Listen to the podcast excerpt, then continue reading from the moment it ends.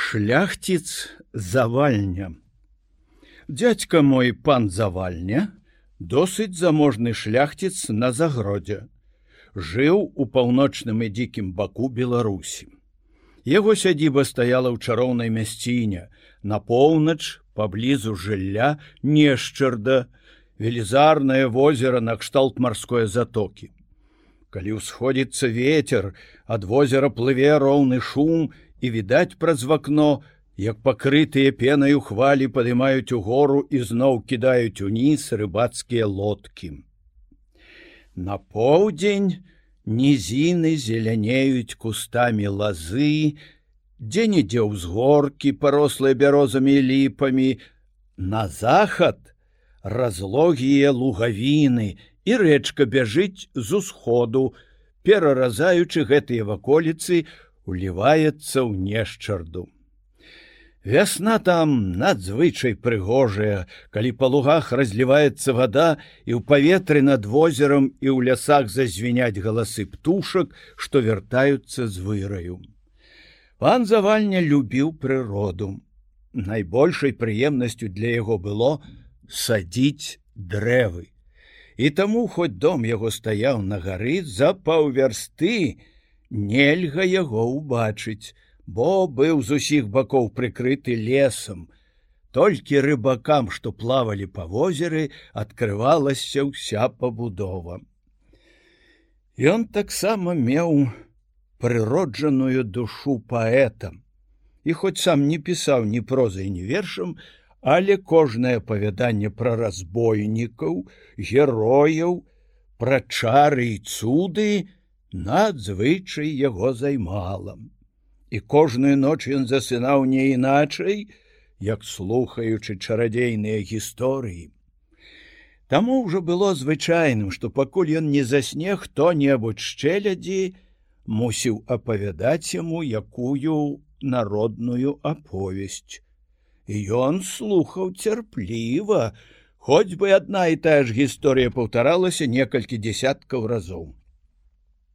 Калі хто прыязджаў да яго, маючы якую патрэбу, які-небудзь падарожны ці квестар, Ён найласкавей яго прымаў, частаваў, пакідаў начаваць і выконваў усе жаданні, узнагароджваў, абы толькі той распавёў яму якую казку.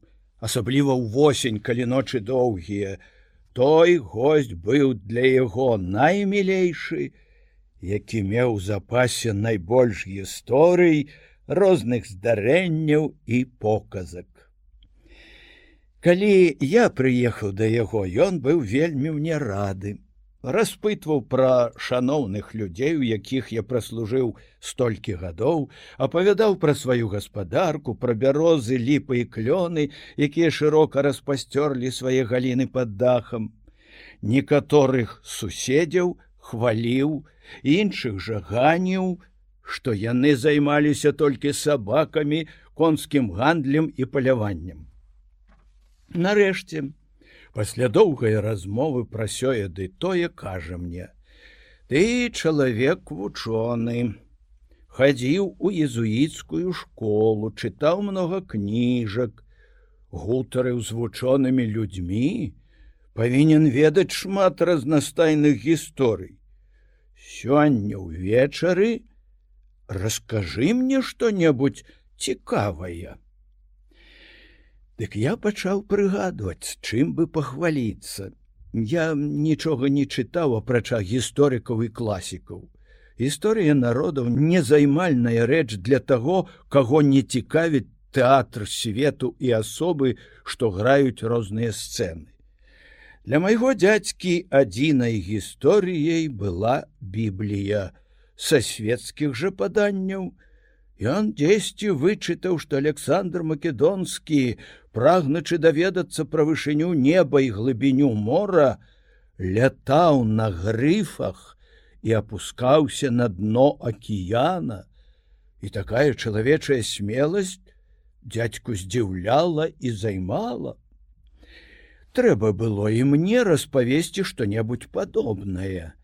Таму вырашыў пачаць з адысеі гамерам бо ў гэтай паэме поўна чараў і дзіваў, як і ў нашых асобных народных аповесцях. Блізу десятая гадзіны вечара, калі вясковыя жыхары канчаюць сваю працу, мой дядзька пасля малітвы ідзе спачываць. Ужо сабралася ўся чэлядь паслухаць новыя аповесці, а ён сказаў так: « Ну, Янка, расскажыш нам, што цікавага. Я буду пільна слухаць, бо сёння адчуваю, што не хутка засну. Тады я, каб мае аповесці былі лепш зразумелыя для слухачоў, апавёў коротко пра самых галоўных грецкіх багоў, багінь і герояў. Пасля пра залаты яблык, пра суд Парыса, пра аблогу троі. Усе слухали з цікавасцю і здзіўленнем. Я чуў, як некаторыя шчэлядзі гаварылі: гэтай э, басні, припомніць не можна дужа цяжкая а ці было калі ў сапраўднасці тое что ты рассказываешь? Пасля доўгага маўчання перапыніў дядзькам так некалі верылі паганцы бо гэта было да нараджэння христовага вядома з гісторыі пра гэты народ вядома таксама і пра яго рэлігію. І гэтаму вас вучаць езуіты ў школах? Навошта ж гэта прыдасца? Хто вучыцца адказаў я той павінен пра ўсё ведаць. Ну то кажы далей. І далей я апавядаў без перапынку. Ужо было у пасля паўночы. Чэлядь разыходзячыся паціху паўтарала паміж сабой. Нам гэтай басні не вывучыцца все что то не по-нашаму тут нічаго не прыпомніш праз пэўны час я пачуў моцны храп майго дзядзькі і ўсцешаны з гэтыя прычыны перажагнаўся і заснуў. На другі дзень ён, як вясковы гаспадар устаў вельмі рана, агледзеў увесь свой маленькі маёнтачак, вярнуўся ў дом і, набліжаючыся да мяне, калі я яшчэ драмаў, загукаў: « О, як бачу, вашаць любіць спаць па-панску, Уставай, у простых людзей гэта грэх, і цябе назавуць гультаём але твоя учарашняя гісторыя ай вельмі вучоная. Хоць забі не памятаю аніводнага імя тых паганскіх багоў. Ты гэта не апошні раз пагасцёеш у мяне да вясны і за доўгія зімовыя ночы шмат мне раскажаш пра сёе і пра тое У час майго гасцявання ў дзядзькавым доме мусіў я амаль пять тыдняў кожную ноч усыпляць яго пераказам славутых паэм грэцкіх або лацінскіх класікаў. Аднак найбольш яму падабалася з адысеі мудрасць уліса на берагах цырцеі і на востраве цыклопаў. Паўтараў мне не раз. А можа, некалі даўно, і бывалі такія агромністыя веліканы. Толькі дзіўна, што з адным вокам на лбе. Хм, але ж і хітрун гэты уліс напаіў, выкалаў вока і выехаў на баране, а! Не мог таксама ён забыць шостая песні з вергілія, дзе Эней увайшоў у пекла, паўтараў некалькі разоў такія словы. Хоць ён быў і паганін, ты якое шляхетнае пачуццё і прывязанасць да бацькі, ісці ў такое небяспечнае месца.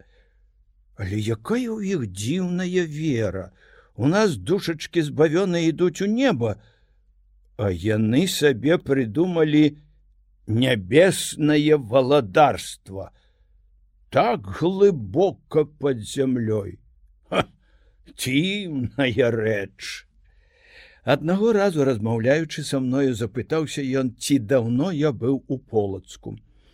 Амаль год не меў нагоду быць у гэтым горадзе. Калі надарыцца там быць добра было б даведацца ад ксяндзоў езуітаў як вучацца мае стась і юзік. О не кепска быць чалавекам вучоным. От як ваша те павядаеш з розных кніжак таго невук і ў сне не ўбачыць.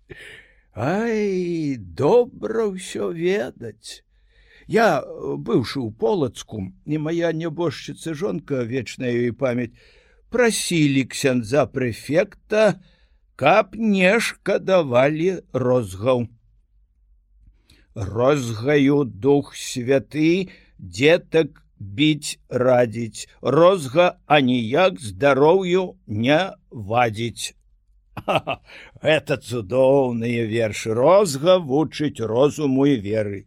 Сёй той з наших панічоў якіх песціць у бацькоў. Толькі бавіцца з коньмі і сабакамі.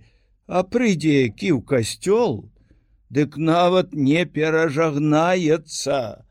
Якая ўцеха бацькам толькі кара Божая Ужо былі першыя дні лістапада самотныя седзячы ля вакна я слухаў завыванне асенніх вятроў і пошум бярозды клёнаў якія густа ўздымаліся над дахам віхор круціў па двары жоўтае лісце і ўзнімаў яго ў гору Усюды глуха толькі зрэдку забрэша сабака, калі ідзе мінак або пакажацца з лесу звер. Думкі мае былі занятыя нейкімі тужлівымі марамі. Тут уваходзіць кабета, што за гаспадыню майго дядзькі.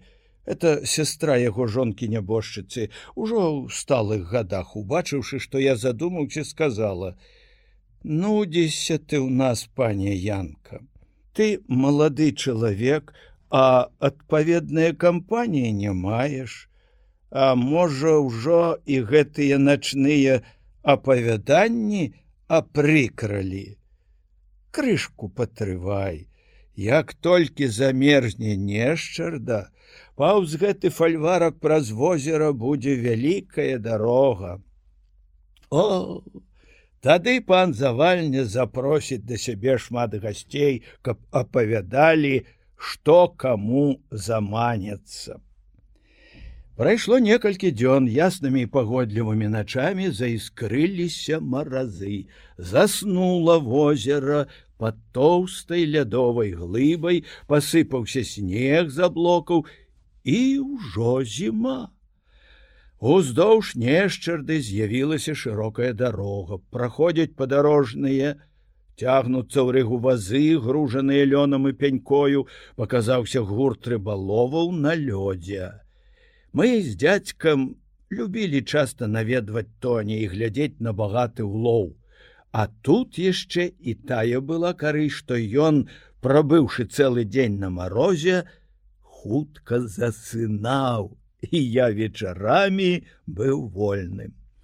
Да таго ж мы часцей мелі і заезджых гасцей, перад якімі дядзька вельмі хваліў мяне і езуіцкія навукі, кажучы, што чуў ад мяне шмат новых і такіх разумных аповесцей, што і запомніць цяжка.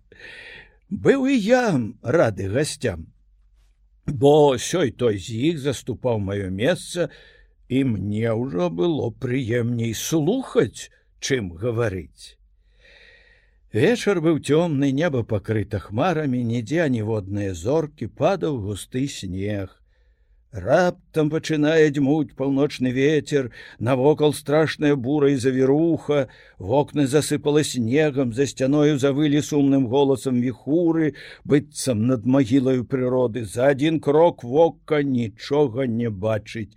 І сабакі на падворку брэшуць, кідаюцца быццам напалі на нейкага звера. Выходжу з дому, слухаю, ці не падышла зграя ваўкоў, бо ў такую завіруху гэтыя драпежныя звяры найчасцей шукаюць сабе здабычу, гойсаючы тут і там каля вёсак. Узяў набітую стрэльбу, каб хоць папужаць іх, калі здолею заўважыць зіхатлівыя воўчыя вочы. Раптам пачуў крык на возеры. Там і тут гукаліся паміж сабою мноства адчайных галасоў, быццам не могучы даць рады ў страшнай небяспецы. Я вяртаюся ў хату і кажу пра гэта дзядзьку. Это падарожны, адказаў ён дуйка снегам замяла дарогу. Яны, блукаючы па возеры, не ведаюць, у які бок падацца. Гаворачы гэта ён узяў запаленую свечку і паставіў яе на падваконні. Пан завальня меў звычай рабіць гэта кожную завейную ноч ужо таму, што жыла ў ягоным хрысціянскім сэрцы любоў да бліжняга і ён рады быў заўсёды гасцям, каб з імі пагаварыць і паслухаць іхнія гісторыі. Падарожныя, што заблукалі, заўважыўшы з возера агонь у вакне, цешыліся, як мараходы, змучаныя марскімі хвалямі, калі ўгледзяць здалёк сярод начное цямрэчы святло партовага ліхтара і з'язджаліся ўсе да сядзібы майго дзядзькі, быццам да прыдарожныя карчмы, каб пагрэцца і даць адпачынак коням. Вецер не сціхаў, дома кружалі нібы высокія валы, снежныя сумёты, сярод шуму буры чуваць рыпенне снегу под нагружанымі вазамі, стукаюць у зачыненыя вароты і крычаць: « Рандар! Рандар! адчыні вароты ах ці якая мяцеліца са ўсём перазяблі і коні прысталі чуць цягнуць ранда ранда адчыні вароты на гэты крык выходзіць парабак незадаволены што трэба ісці па глыбокім снезе. Пагадзіця адчыню! Чаго вы крычыце? Тут не рандар жывець а пан завальня ах паночык думалі што гэта сам гаспадар пусці нас пераначаваць ноч цёмная нічаго не відно і дарогу так замяло што найти не можна а ці умееце сказкі ды прыказкі э, да ўжо ж як-нибудь скажем калі только будзе ласка панская. Адчыняюцца вароты, на падворах заязджае некалькі вазоў, насустрач выходзіць дядзька і кажа: « Ну добра, будете мець вячэру і сена для коней. Толькі з умовай, што хто-небудзь з вас павінен апавесці мне цікавую казку добра паночык адказваюць сяляне здымаючы шапкі і кланяючыся ось выпраглі яны прывязалі да вазоў сваіх коней паклалі ім сена зайшлі ў пакой для чэлядзі абтрэслі снег там далі ім вячэру пасля яе сёй той з іх прыйшоў у пакой да майго дзядзькі. Ён даў ім яшчэ па кілішку гарэлкі, пасадзіў падарожных каля сябе і ўлёгся ў пасцель з намерам, аднак слухаць казкі. Сабраліся дамовыя людзі, і я сеў паблізу, з вялікай цікавасцю жадаючы пачуць новыя яшчэ для мяне народныя аповесці.